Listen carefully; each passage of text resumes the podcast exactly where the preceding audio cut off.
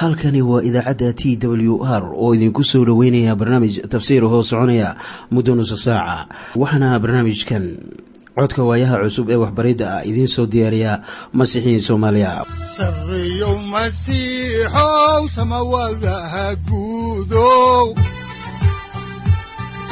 Siraadki adduunkow subanaha eebow sareeyow masiixow samawadaha guudow siraadki adduunkow subanaha eebow adigoo samaada jiro ifkan soo saldhiganba adigoo soo saldhiganba kutubtiisanaaye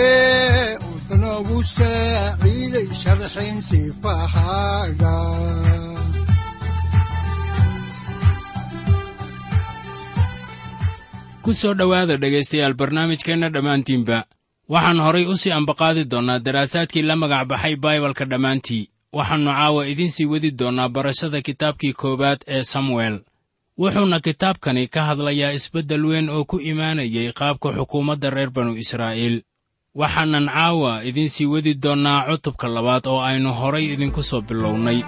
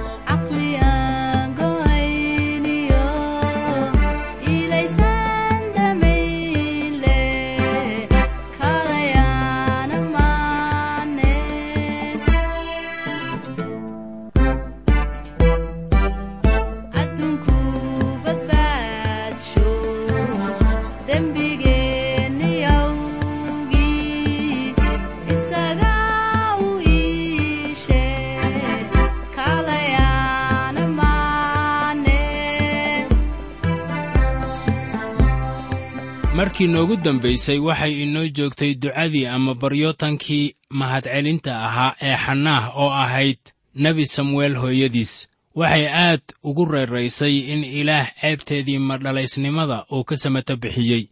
Waxay markaas tidhi sida ku qoran aayadda labaad ee cutubkan labaad oo dhagax weyn oo ilaahayaga la mid ahuna ma jiro.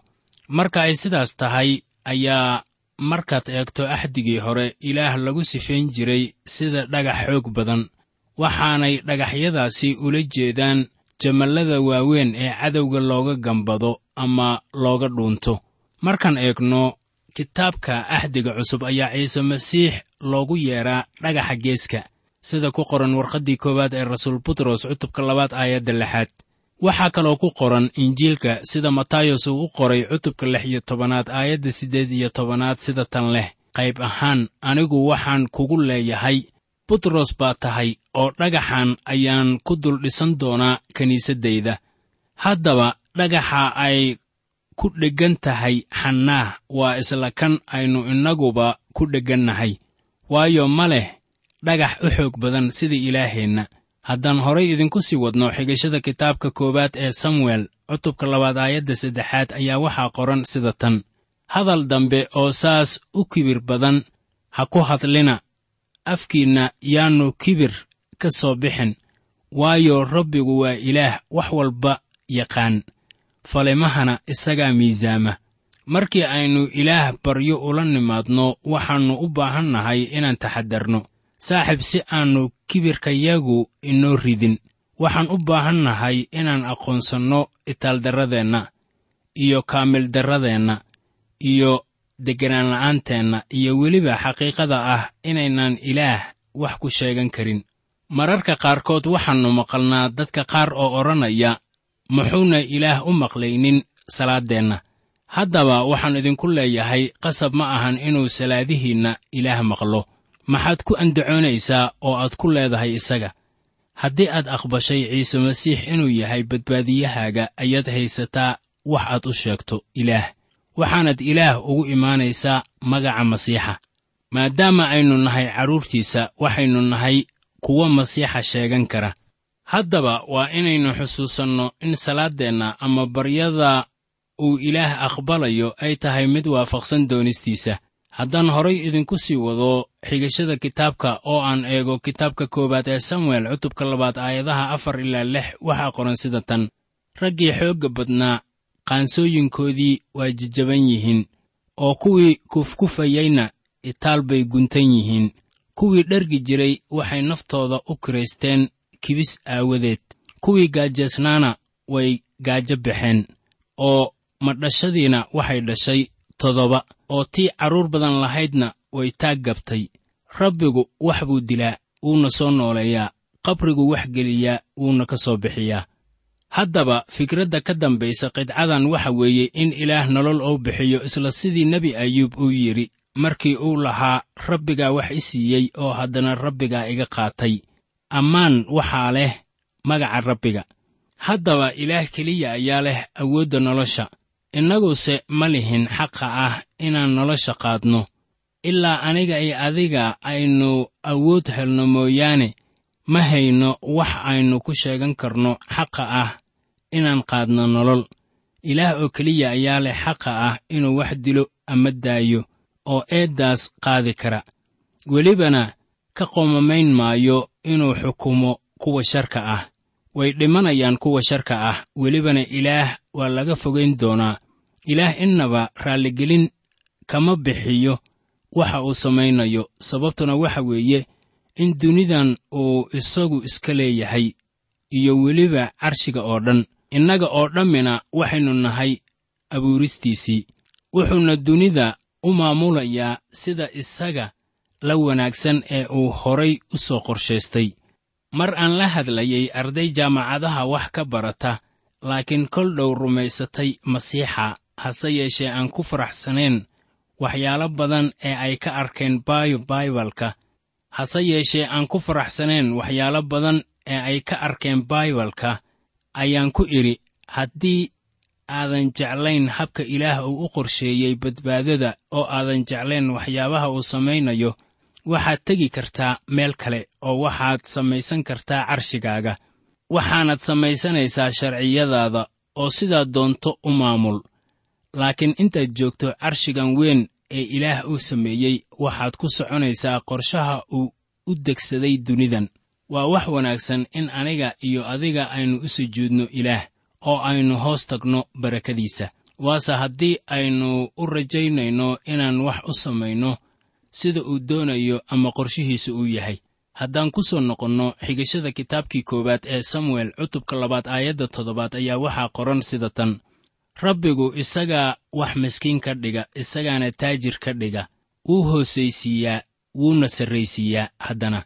Waxay haddaba aayaddanu keenaysaa in kuwo badan oo innaga ahi ay isweyddiiyaan waxa qaar fakhri ay u yihiin kuwana ay hodan u yihiin. Haddaba anigu ma garan karo waxa ilaah dadka qaar uu fakhri uga dhigay kuwana taajir uu uga dhigay. Waxaan u malaynayaa inaanan anigu awood u lahayn inaan dadka wax u qaybiyo. Haddaan daacad idinla hadlo laakiin waxaad garanaysaan inaannu taasi iiga tegin aniga oo uusan hawshaasi madax iiga dhigin. Haddaba taasu waa shaqo uu asaga leeyahay oo maalin buu sidaan filayo sharaxaad inaga siin doonaa. Waa markaan hortiisa ka muuqanno eh. Waxaan dhowrayaa sharaxaaddan waayo waxaan ogahay inuu isaga jawaabta hayo haddaan horay idinku sii wadno xigashada kitaabka oo aan eegno kitaabka koowaad ee samuel cutubka labaad aayadaha siddeed ilaa sagaal waxaa qoran sida tan. Oo miskiinka ciidduu ka kiciyaa oo kan baahanna tuulmada digada ayuu hor uga qaadaa si uu amiirrada ula fadhiisiyo oo ay carshiga maanta u dhaxlaan waayo tiirarka dhulka rabbigaa leh oo dunidana iyaguu saaray kuwiisa quduuska ah cagahooda isagaa dhowri doona laakiin kuwa sharka leh waxaa lagu aamusin doonaa gudcur dhexdiis waayo ninno xoog kuma adkaan doono. Dadka dadaalkooda awooddooda iyo xooggooda kuma dhammayn karaan shay ay ilaah u qabanayaan. Haddaba masiixiyiinta maanta waxay u baahan yihiin inay maanka ku hayaan runtaas. Tan keliya ee aynu ilaah wax ugu samayn karno waxa weeye markii ruuxa quduuska ahi uu ina hoggaaminayo waa inaan wax waliba ee aynu samaynayno ugu xidhnaanno ruuxa quduuska ah. Haddaan horay idinku sii wadno xigashada oo aan eegno kitaabkii koowaad ee samuel cutubka labaad aayadda tobanaad waxaa qoran sida tan kuwa rabbiga la dirira waa la kala jejebin doonaa oo iyaga samadow kaga soo onkodi doonaa. Rabbigu wuxuu xukumi doonaa darfaha dunida oo wuxuu xoog u yeeli doonaa boqorkiisa oo wuxuu sarraysiin doonaa geeska kiisa subkan. Haddaba aayaddaasu waa mid caaqibo leh marka la eego qorniinka waana tii ugu horraysay ee masiixa looga hadlay. Maxaa wacay? Kelmadda subkid waa cibraani waxaana loola jeedaa masiixa. Waxaa loo tarjumaa kristos. Markaannu eegno ahdiga cusub ee ku qoran luqadda giriigga waxaana subkiddu ay noqonaysaa marka ingiriisi laga dhigo kraist soomaali ahaan ama carabi ahaanna waxay noqonaysaa masiixa. Kaasuna waa jegada uu leeyahay ciise masiix. Ilaah wuxuu haatan diyaar u yahay inuu boqortooyo ka dhigo reer banu israa'iil maadaama israa'iil ay diideen in ilaah madax uu u ahaado. Ayaa ilaah wuxuu haatan doonayaa inuu boqor u caleemo saaro haddaan horay idinku sii wadno xigashada kitaabka koowaad ee samuel aayadda koowaad waxaa qoran sida tan. Markaasaa elkanaah wuxuu tegay raamaah iyo xaggii gurigiisii oo wiilkiina wuxuu rabbiga ugu adeegi jiray wadaadkii ceelii ahaa hortiisa. Waxay haddaba u muuqataa taasu in samuel looga tegay meel difaac iyo hoyba leh. Taambuuggu wuxuu ahaa meel sidaas ah laakiin wakhtigaasi isaga ah xumaan baa ka jirtay balse aynu xumaantaasi wax uga ogaanno ayaannu haatan eegaynaa maaddada ka hadlaysa wiilashii sharka ahaa ee ceeli. Haddaan horay idinku sii wadno kitaabka koowaad ee samuel cutubka labaad aayadda laba iyo tobanaad ayaa waxaa qoran sida tan. Haddaba ceelii wiilashiisii waxay ahaayeen wiilal waxmatarayaal ah oo rabbiga ma ay aqoon haddaba wiilashii ceelii waxay ahaayeen wiilal waxmatarayaal ah oo shayaadiin ah. Wiilashaasu kuwo badbaaday ma ahayn waxayna ahaayeen wiilashii wadaadka sare oo dhex jooga taambuugga shirka oo halkaas ka adeega. Haddaba dadka qaar baa ku qaldama waxbaridda ay ilmahooda u diraan. Waxay la tahay inay u dirsadeen dugsi ay wax ku bartaan laakiin haddana waxaa jira xaalado badan oo i dareensiinaya in ninka dhallinyarada ahi uu talada ka boodo si la eg sida geedaha uu uga boodo. Waxaa loo baahan yahay in marka hore layska hubiyo halka aad waxbaridda ugu dirayso oo la soo ogaado inay u roon tahay waxbaridda dhallaanka. Waxaad xusuusataan in shayddaanku uu soo galay qowladdii sare ee uu sayidkeenna joogay markuu cashadii u dambaysay la cunayey xertiisa. Waxaan markaasi u baahan nahay inaan xusuusanno in qof waliba uu u baahan yahay inuu ilaah baryo oo carruurtiisa ilaah uu hor keeno marka hore. Isagoon eegaynin dugsiga wacan ee uu geeyey laakiin garanaya in mar waliba shayddaanku uu soo weerari karo. Haddaba wiilkan yar ee samuel ah wuxuu haatan soo galay meel khatar ah waxaanay u muuqataa in hooyadiis ay ilaah u baryi doonto taasuna waa hubaal. Haddaan horay idinku sii wadno xigashada kitaabka koowaad ee samuel cutubka labaad aayadaha saddex iyo toban ilaa lix iyo toban waxaa qoran sida tan. Haddaba caadadii wadaaddadu dadka ay la lahaayeen waxay ahayd in markii nin un allabari u bixiyo uu mididiinka wadaadku imaan jiray.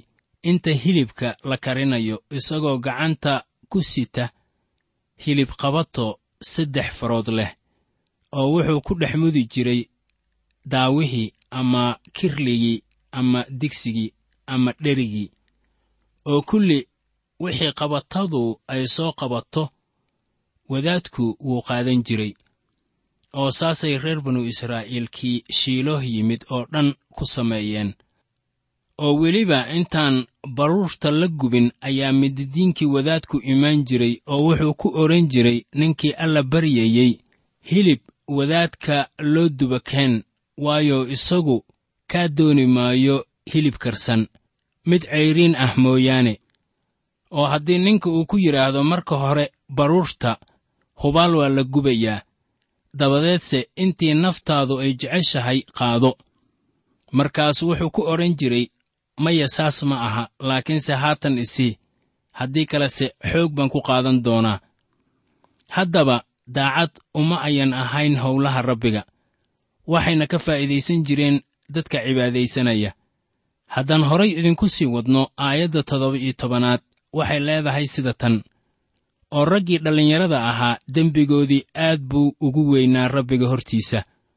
Waayo raggaasu waxay quursan jireen qurbaankii rabbiga haddaba daacaddarradoodii waxay keentay in dad badani ilaah ay ka leexdaan reer banu israa'iil. Waxay arkeen wixii wiilashii ceeli ay ka samaynayeen macbudka oo intay dadka ilaah ku soo dhoweyn lahaayeen ayay dadka ilaah ka eryayeen.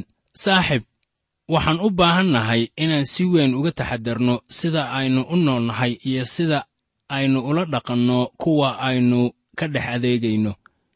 Waa inaan muujinnaa daryeel naxariis iyo tusmaynta dadkeenna isla sida ninka masiixiga ah ee ilaah ka cabsada laga doonayo. Waxaana taasu ay keenaysaa in aynu dadka u soo dhowayno masiixa. Haddaan horay idinku sii wadno xigashada kitaabkan koowaad ee samuel cutubka labaad aayadaha siddeed iyo toban ilaa sagaal iyo toban waxaa qoran sida tan. Laakiinse samuel wuxuu ka adeegi jiray rabbiga hortiisa isagoo wiil yar ah oo guntan eefood dhar wanaagsan laga sameeyey oo weliba hooyadiisna waxay u samayn jirtay khamiis yar oo sannad ka sannad ayay u keeni jirtay. Markay ninkeeda soo raacdo inay bixiyaan allabarigii sannada marka samuel uu hoos joogo wiilashan daacadda daran ee ceelii ayaa hooyadiis weli ay xusuusan tahay. Xannaah waxay aad u jeclayd wiilkeedan yar waxay ka ballanqaadday ilaah inay wiilkan u siinayso ama ay ugu keenayso inuu ka dhex adeega taambuugga shirka. Sannad walibana waxay u keeni jirtay khamiis cusub oo waxaa muuqanaya sida xannaah ay u jeclayd wiilkeeda. Haddaan horay idinku sii wadno kitaabka koowaad ee samuel cutubka labaad aayadaha labaatan ilaa kow iyo labaatan waxaa qoran sida tan. Oo ceeliina waa u duceeyey elkanaah iyo afadiisiiba oo wuxuu ku yidhi deenkii rabbiga la siiyey aawadiis rabbigu naagtan farcan ha ka siiyo oo iyana waxay tageen xaggii gurigooda oo rabbigu waa soo booqday xannaah oo way uuraysatay oo waxay dhashay saddex wiil iyo laba gabdhood oo yarkii samuel ahaana wuxuu ku koray rabbiga hortiisa. Ilaah wuu u wanaagsanaaday xannaah waxaa ilaah oo siiyey shan carruur ah laakiin weli ma aanay iloobin samuel sannadadaas oo dhan.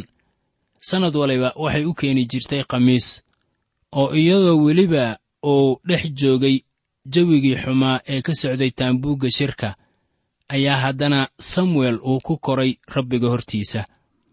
Aayadda laba iyo labaatanaadi waxay leedahay oo ceeliina aad buu u gaboobay oo wuxuuna maqlay wixii ay wiilashiisu reer banu israa'iil oo dhan ku sameeyeen iyo inay la seexdeen dumarkii ka adeegi jiray iridda teendhada shirka.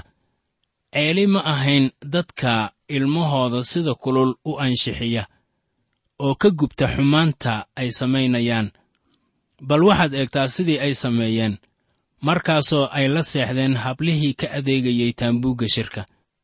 Waxaana hubaal ah in wiilashii ceelii damiirkooda uu ka sii hooseeyey dadka maanta nool. Damiirxumadu ma ahan wax ku cusub iyaga waayo wakhtigii daadkii weynaa dadka lagu halaagay ee nuux ayaa dadka oo dhan damiirkoodu aad u xumaa. Haddaan horay idinku sii wadno xigashada kitaabka oo aannu eegno kitaabka koowaad ee samuel cutubka labaad aayadda saddex iyo labaatanaad waxaa qoran sida tan markaasuu wuxuu ku yidhi iyagii war maxad waxyaalaha caynkaas ah u samaynaysaan? Waayo waxaan dadkan oo dhan ka maqlay macaamilooyinkiinna xunxun. Ficilka ay sameeyeen wiilashii ceelii waxay dhagaxumo ku ahayd dadka reer banu israa'iil.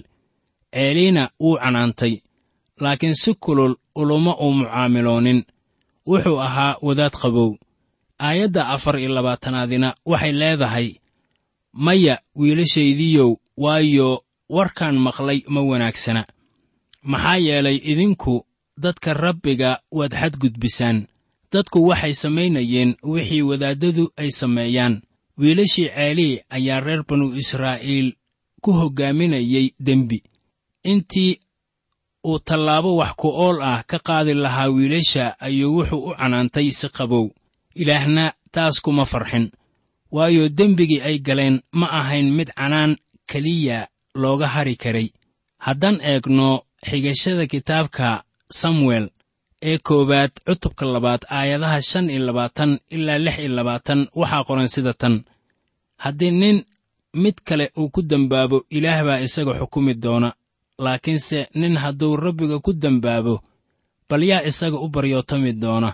Laakiinse iyagu ma ay dhegaysan codkii aabbahood maxaa yeelay rabbigu wuxuu doonayey inuu dilo iyaga oo yarkii samuel ahaana wuu sii koray oo rabbiga iyo dadkuba raalli bay ka ahaayeen. Welibana iyadoo xaalado xun ay ka jiraan taambuugga shirka ayaa haddana samuel wuxuu ku koray dadka iyo rabbiga hortiisaba raallinimo. Wuxuu ahaa mid ilaah isku dhiibay waxaana caawiyey salaaddii hooyadiis oo ilaahna wuxuu isticmaalayaa samuel. Haddaan horay idinku sii wadno xigashada kitaabka oo aan eegno kitaabkii koowaad ee samuel cutubka labaad aayadaha toddoba iyo labaatan ilaa sagaal iyo labaatan waxaa qoran sida tan. Markaasaa ceelii waxaa u yimid nin ilaah oo wuxuu ku yidhi isagii sidanaa rabbigu leeyahay. Reerkii aabbaha miyaan isku muujiyey? Markay masar joogeen oo ay ku hoos jireen addoonsigii reerkii fircoon oo miyaan isaga ka doortay qabiilooyinka reer banu israa'iil oo dhan inuu wadaad ii noqdo iyo inuu ku allabaryo meeshayda allabariga iyo inuu uunsi shido iyo inuu hortayda eefood ku xidho oo miyaan reerkii aabbaha siiyey qurbaannadii reer banu israa'iil oo dhan ee dab lagu sameeyo. War maxaad u quursataan allabarigayga iyo qurbaankayga aan ku dhex amray rugtayda oo maxaad wiilashaada iiga murwad badisaa oo aad naftiinna ugu cayilisaan dadkayga reer banu israa'iil qurbaannadooda oo dhan inta ugu wanaagsan. Ilaah wuxuu duqii ceelii ahaa u soo diray nebi oo iminka ilaah isaga la hadli maayo. Wuxuuna istaajiyey inay wadaaddadu farriinta soo marto. Waxaase u doortay inuu saro kiciyo nebi wadaad ah. Nebigaasuna waa samuel nebigaas wuxuu wax ka samaynayaa howlaha loo qabanayo sayidka. Jegadiisana waa nebi. Haddaan horay idinku sii wadno xigashada kitaabka oo aan eegno kitaabka koowaad ee samuel cutubka labaad aayadda soddonaad waxaa qoran sida tan. Sidaas daraaddeed rabbiga ah ilaaha reer banu israa'iil wuxuu leeyahay anigu waxaan idhi hubaal reerkaaga iyo reerka aabbahaba hortayday ku socon doonaan weligood laakiinse haatan rabbigu wuxuu leeyahay taasu ha iga fogaato. Waayo kuwa i murweeya ama i sharfa waan murweyn doonaa ama sharfi doonaa. Oo kuwa i quursadana waa la fududaysan doonaa. Haddaba waxaan idinku leeyahay aynu aad u eegno darajaynta ilaah. Zabuurka boqol iyo toddobo aayadaha kow ilaa labo ee baalka toddoba boqol siddeetan iyo sagaal ee axdigii hore ayaa waxaa ku qoran sida tan. Rabbiga ku mahadnaqa waayo isagu waa wanaagsan yahay oo naxariistiisuna weligeedba way sii waartaa. Kuwa rabbigu soo furtay sidaas ha yidhaahdeen waana kuwa uu isagu ka soo furtay gacantii cadowga. Haddaba furashadii rabbigu uu inaga soo furtay dembiyadeenna ayaan u baahannahay in laga mahad celiyo maanta. Haddaan horay idinku sii wadno xigashada kitaabka koowaad ee samuel waxaa ku qoran cutubka labaad aayadaha kow iyo soddon ilaa afar iyo soddon sida tan. Bal eeg waxaa imaan doona wakhtigii aan goyn lahaa gacantaada iyo gacanta reerka aabbahaaba. Si aan reerkaaga nin da'weyn looga helin oo waxaad arki doontaa dhibaatida rugtayda markii ilaah reer banu israa'iil uu maal siiyo oo reerkaaguna nin da'weyn ma yeelan doono weligiisba oo haddii la helo ninkaa ah oo aanan meeshayda allabariga ka goyn kaasu indhahaagu gubi doonaa oo qalbigaagu murugayn doonaa oo dadkii reerkaaga ka dhashaana dhallinyaranimada ayay ku dhiman doonaan dhammaantood oo tanu waxay ku ahaan doontaa calaamo waana waxa ku dhici doona labadaada wiil ee ah hofni iyo fiinaxaas oo labadooduba isku maalin bay dhiman doonaan. Haddaba waxyigan halkan lagu sheegay wuu qabsoomay ama waa la arkay. Marka aynu horay ugu sii soconno qorniinka ayaannu arki doonnaa in waxyaalahaas oo dhan ay ku dhaceen reerkii ceeli haddaan horay idinku sii wadno oo aan ku soo xidhno dersigeenna caawa aayadda shan iyo soddonaad ee cutubkan labaad ee kitaabkii koowaad ee samuel ayaa waxaa ku qoran sida tan oo anigu waxaan kicin doonaa wadaad aamin ah kaasoo samayn doona waxa ku jira qalbigayga iyo maankayga oo anna waxaan isaga u dhisi doonaa reer ammaan ah oo isna weligiis wuxuu ku hor socon doonaa kayga subkan. Aayaddani yay ka hadlaysaa. Waxay ka hadlaysaa sidaan aaminsanahay sayid ciise masiix. Kan subkan ee lagu hor soconayo waa isaga qudhiisa. Waxaan xusuusannaa in salaaddii xannaah ay ku jirtay ama lagu sheegay boqor oo ah masiixa imaan doonay. Waxaan horay u soo sheegay muuse oo wuxuu yidhi waa nebi. Kitaabkan koowaad ee samuelna wuxuu ku sheegayaa inuu noqon doono wadaad markaana sayid ciise masiix haddaba wuxuu yahay nebi wadaad iyo boqor waana kan keliya ee jagooyinkaasi buuxin kara.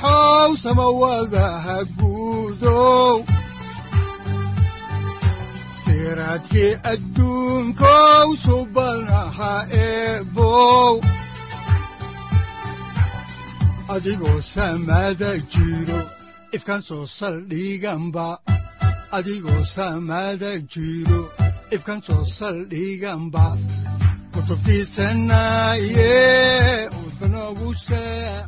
halkani waa t w r idaacadda t w r oo idinku leh ilaa ha idin barakeeyo oo ha idinku anfaco wixii aad caawi ka maqasheen barnaamijka.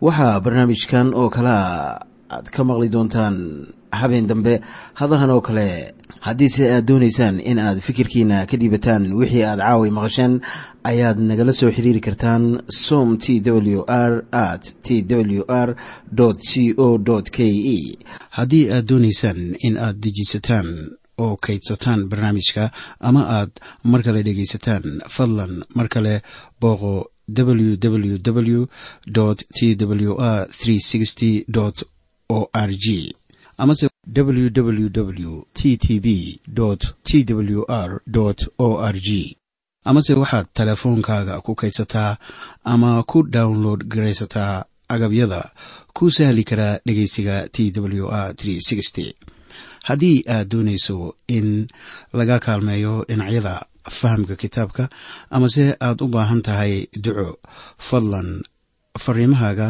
soo mari bogga aaraahda ama kommentska inana jawaab degdeg ah ayaanu ku soo diri doonaa amase ku siin doonaaye.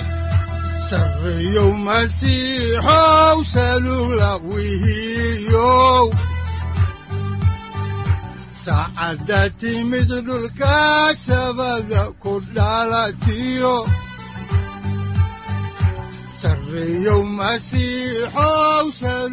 halkani waa t w r oo idiin rajaynaya habeen baraare iyo barwaaqaba leh. Inta aynu ka gaari doono wakhti aynu ku kulanno barnaamij la mida kan caawayay aad maqasheen. Waxa aan idinku leeyahay nabadda ciise masiix ha idinku badato xagga jidhka iyo ruuxaba. Aamiin